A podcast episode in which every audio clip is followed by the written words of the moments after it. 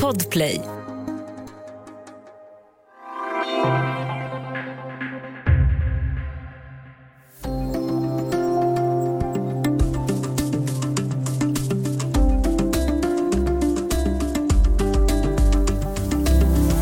Högerpartierna i Europa är en brokig skara som sträcker sig från ett konservativt höger om mitten till långt ut på ytterkanten. I Europaparlamentet är de här partierna uppdelade i flera grupper. Men nu finns krafter som vill skapa en ny gemensam supergrupp långt ut till höger. Vad skulle det innebära? Välkommen till Studio DN. Jag heter Sanna Thorén Björling.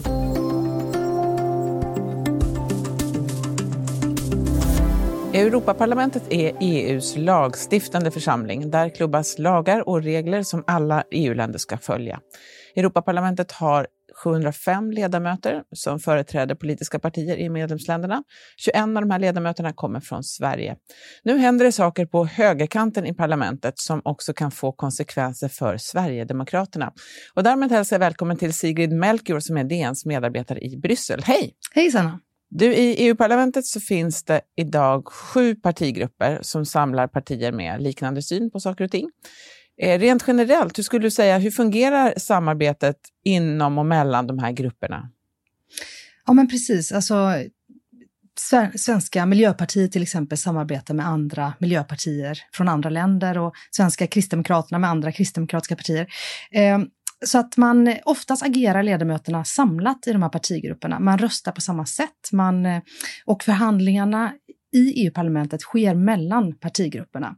Eh, så att ja, man följer den gemensamma lin linjen. Eh, framförallt i partigrupperna i mitten. Längre ut på ytterkanterna, både till vänster och till höger, så är partigrupperna lite spretigare och man följer inte ofta, lika ofta eh, den gemensamma linjen. Då. Mm. Så det är ett sätt att, att, att göra samarbetet lite smidigare kan man säga. Störst av de här partigrupperna är EPP som finns till höger om mitten. Och där, finns, där är ju bland annat Kristdemokraterna och Moderaterna från svensk sida eh, medlemmar.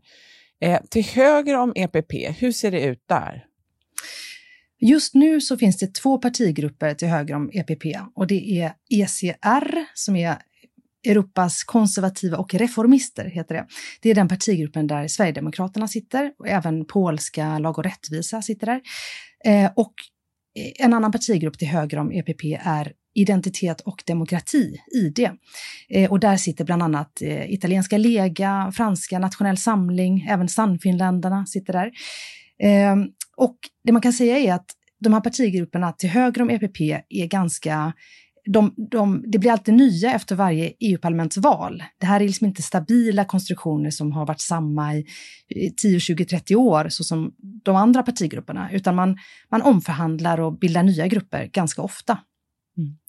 De här eh, partierna inom ECR och Identitet och demokrati, eh, vad, skiljer, vad skiljer de åt? Ja, det är lite svårt att säga för att de här partierna skiljer sig nog mer åt mellan sig än de två partigrupperna, om man säger så. Utan ideologiskt så, så är det ungefär samma det är framförallt invandringskritik och EU-kritik och det, det är samma sak för alla de här partierna. Men sen eh, är det kanske lite mer inställningen till EU-arbetet och hur man agerar i EU-parlamentet som skiljer dem åt. Så att ID-gruppen eh, anses vara mer extrema. Eh, de deltar inte lika mycket i, ja, i förhandlingar, alltså de deltar inte lika konstruktivt som ECR-gruppen. Eh, men ideologiskt är de ganska lika varandra. En sakpolitisk skillnad är att många av eller flera av partierna i ID-gruppen, till exempel Franska nationell samling och eh, eh, tyska Alternativ för Tyskland, står ganska nära Ryssland. Eh, ja, eh, medan partierna som sitter i ECR-gruppen eh, liksom, av, av princip absolut inte vill samarbeta med partier som står nära Ryssland. Så att det är en sån sakpolitisk skillnad mellan de här grupperna. Just det, som kan bli ganska eh, avgörande i vissa fall. Då. Ehm, Eh, Ungern och Polen är ju länder som det ofta pratas om i EU-sammanhang. Och EU har ju kritiserat deras regeringar för att de går i antidemokratisk, eh, antidemokratisk riktning på olika sätt. Ungerns största parti Fidesz eh, blev utkastat ur den här stora partigruppen EPP som vi var inne på först då, tidigare i år. Mm. Eh, och det här draget verkar ju kunna få konsekvenser för hela EU-parlamentet. Hur då? Ja, men precis. Det var i våras då som Fidesz-ledamöterna i EPP eh, ja, tvingades lämna gruppen. De lämnade självmant, men det var eh, innan de skulle bli utkastade. Eh, så det är lite så här, eh, surt sa räven om rönnbären-känsla eh, där. Jo, då, det innebär att det finns tolv ledamöter från Fidesz som inte har något sammanhang just nu. De står ensamma, de står utanför alla politiska sammanslutningar. Och de söker ju nu efter ett nytt hem. Och sedan de slängdes ut från EPP så har eh, Fidesz då eh, samtalat och förhandlat med Lega, alltså italienska Lega, och polska Lag och rättvisa om att eventuellt skapa ett nytt samarbete, en ny partigrupp eh, med de här partierna och eh, eventuellt många fler då. Så att eh, det skulle kunna bli om de här partierna lyckas komma överens, det är inte säkert att de gör det, eh, då kanske de bygger en egen partigrupp. Och det kan bli en tredje partigrupp. Eller också kanske de får med sig alla partier till en jätte, jätte, jättestor partigrupp på ytterhögerkanten. Hur mycket snack har det varit om det här? Alltså blir, blir de andra partierna väldigt nervösa nu? Att vad, vad är det som händer här? Blir det, är det mycket prat i korridoren här? Ja, det, fast det, det, är mycket prat, men det är få som vet någonting. För det här sker ju liksom på en... Eh, det sker inte riktigt i EU-parlamentet, utan det sker på en högre nivå mellan partiledarna, mellan eh, Viktor Orbán och hans, eh, Matteo eh, Salvini och sådär. Eh, men jag skulle säga att de som är mest nervösa är nog partier som idag ingår i de här partigrupperna, till exempel Sverigedemokraterna. Inte så mycket de partierna eh, i ja, de, de mer traditionella höger och vänster och liberala parti, partigrupperna, de, det ändras inte så himla mycket för dem egentligen. Efter pausen ska vi tala om vad en ny supergrupp på högerkanten skulle innebära, bland annat då för Sverigedemokraterna.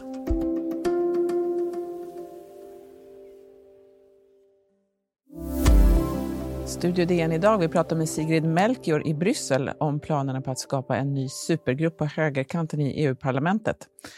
Eh, vi pratade om hur Fidesz, det ungerska eh, partiet som vill, prata, som vill eh, samarbeta med Lag och rättvisa från Polen och italienska Lega bland andra eh, för att åstadkomma en ny supergrupp. Då. Vad, sku, vad hoppas de åstadkomma med det här? Ja, alltså de här partierna, ja, parti, ytterhögerpartier om man kan kalla dem så, de har ju vuxit väldigt mycket de senaste åren.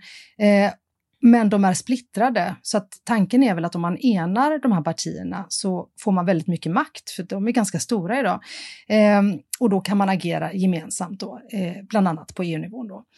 Eh, men eh, ja, man vill ju utmana och ändra EU i grunden eh, genom att agera tillsammans helt enkelt. Mm. Det där är ju eh, inte självklart och vi återkommer ju vilka de kommer att kunna samarbeta med. Och, eh, då återkommer vi lite grann till det här med skillnaderna mellan, EU, med, med, mellan de här högerpartierna. Du var inne på synen på Ryssland som är rätt så viktig, eh, trots allt. Och en annan sak är ju just synen på EU som sådant. Eh, och det finns ju väldigt, en del partier här som är väldigt kritiska till EU. Hur, hur brukar de här agera i EU-parlamentet, e de som egentligen, egentligen vill slippa så mycket som möjligt av EU? Ja, de är ju, man kan ju kalla dem alla EU-kritiska, men eh, de är ju det på ganska olika sätt. Alltså, vissa vill ju ändå delta i det politiska arbetet och eh, ja, utforma lagar på sitt sätt, då, eh, medan andra kanske bara vill eh, lite förstöra då, inifrån. Och sen är det inte riktigt samma sak vad det innebär att vara EU-kritisk. Alltså ett land som, eller en regering som den ungerska regeringen vill ju gärna att ha en stor EU-budget för att man får mycket pengar från EU-budgeten, medan ett parti som Sverigedemokraterna vill krympa EU-budgeten. Eh, så att det, vad, vad det egentligen innebär praktiskt i hur man röstar, det, det, är inte, det finns inte en eh, formel för det. Och, och, då måste vi också göra lite halvhalt här vid Polen. Eh, där satte ett domstolsutslag från konstitutionsdomstolen i Polen i torsdags hela relationen mellan Polen och EU på spel. Ehm, det där är eh, ett jätteviktigt eller betydelsefullt eh, utslag. Men vilken betydelse tror du att det där har i, i det här sammanhanget? Lag och rättvisa är ju ett parti som, som vi pratar om delvis här. Ja, men precis. Det var ju då i torsdag som författningsdomstolen slog fast att polsk rätt går före EU-rätt. Och det låter ju lite tekniskt, men det är själva kärnan i EU-samarbetet att alla EU-länder accepterar att EU-rätten går före. För annars skulle ju alla tolka EU-lagarna på olika sätt och då skulle samarbetet krackelera direkt. Liksom. Så att det som hänt är ju liksom en eskalering av en lång, eh, sedan länge pågående konflikt mellan EU-kommissionen och den polska regeringen. Och ja, Lag och rättvisa, det är ett parti som är i konflikt med EU, EU eh, som organisation. Men det är också, det är också ett regeringsparti och, det, och Polen är ett av de största EU-länderna, så att det är inte, ja, det är inte ingen som helst. Eh, men det, det, här, alltså det här är också ett sådant exempel på någonting som är obekvämt för Sverigedemokraterna. Man, man sitter tillsammans med eh, det polska partiet i samma grupp och, och Polen är i öppen konflikt med EU-nivån. Och det, ja, det, det är också obekvämt för Sverigedemokraterna. Det blir ju väldigt besvärligt då. Och då, just nu råder det, som du säger, då, ganska stor osäkerhet kring vad som händer där på höger, högerkanten. Hur ställer sig Sverigedemokraterna till det här? De tycker att det här är besvärligt. Vad, vad vill de? Vad skulle vara bäst för dem? De vill ju att alla ska sitta still i båten och inte, att man inte ska ändra i någonting. För att som det är nu så sitter de med en grupp som är ganska stor, ECR är ganska stor, eh, och där Sverigedemokraterna har utrymme att föra politik, alltså att, att delta i det politiska arbetet i EU-parlamentet. Eh, och en ny partigrupp skulle innebära antingen att, eh, att de, den polska partiet lämnar Sverigedemokraterna och Sverigedemokraterna blir kvar i en väldigt liten grupp och att man då får mycket mindre att säga till om. Eller att Sverigedemokraterna deltar i en ny, större partigrupp, kanske en jättestor partigrupp, och det är också problematiskt för Sverigedemokraterna, för då måste man samarbeta med partier som anses vara eh, extrema i Sverige och då får man betala ett politiskt pris för det i Sverige. Och särskilt nu när Sverigedemokraterna vill visa sig regeringsdugliga inför ett möjligt eh, samarbete eh, i Sverige med Moderaterna och Kristdemokraterna och Liberalerna så är det väldigt viktigt att visa att man inte samarbetar med extrema partier och att man bidrar konstruktivt. Mm. Så det handlar både om ren politik och om trovärdighet, då kan man säga? Ja, precis. Så avslutningsvis, då, vad tycker du, vad kommer du själv att följa med störst intresse här under, under den närmaste tiden? Ja, det är ju frågan om det blir någonting, om det blir någonting alls. Man vet ju att de försöker, de samtalar om detta, men det är inte alls säkert att det blir någonting konkret. Men jag tror att om det ska ske så, så sker det antagligen ganska snart, för att nu till årsskiftet då har EU-parlamentet suttit halva mandatperioden. Det är ju fem år, nu har det varit två och ett halvt år sedan valet. Och då ändrar man om i alla såna här, då, då får man nya utskottsplatser. Alltså ledamöterna hamnar i nya utskott och man utser en del toppjobb och sådär.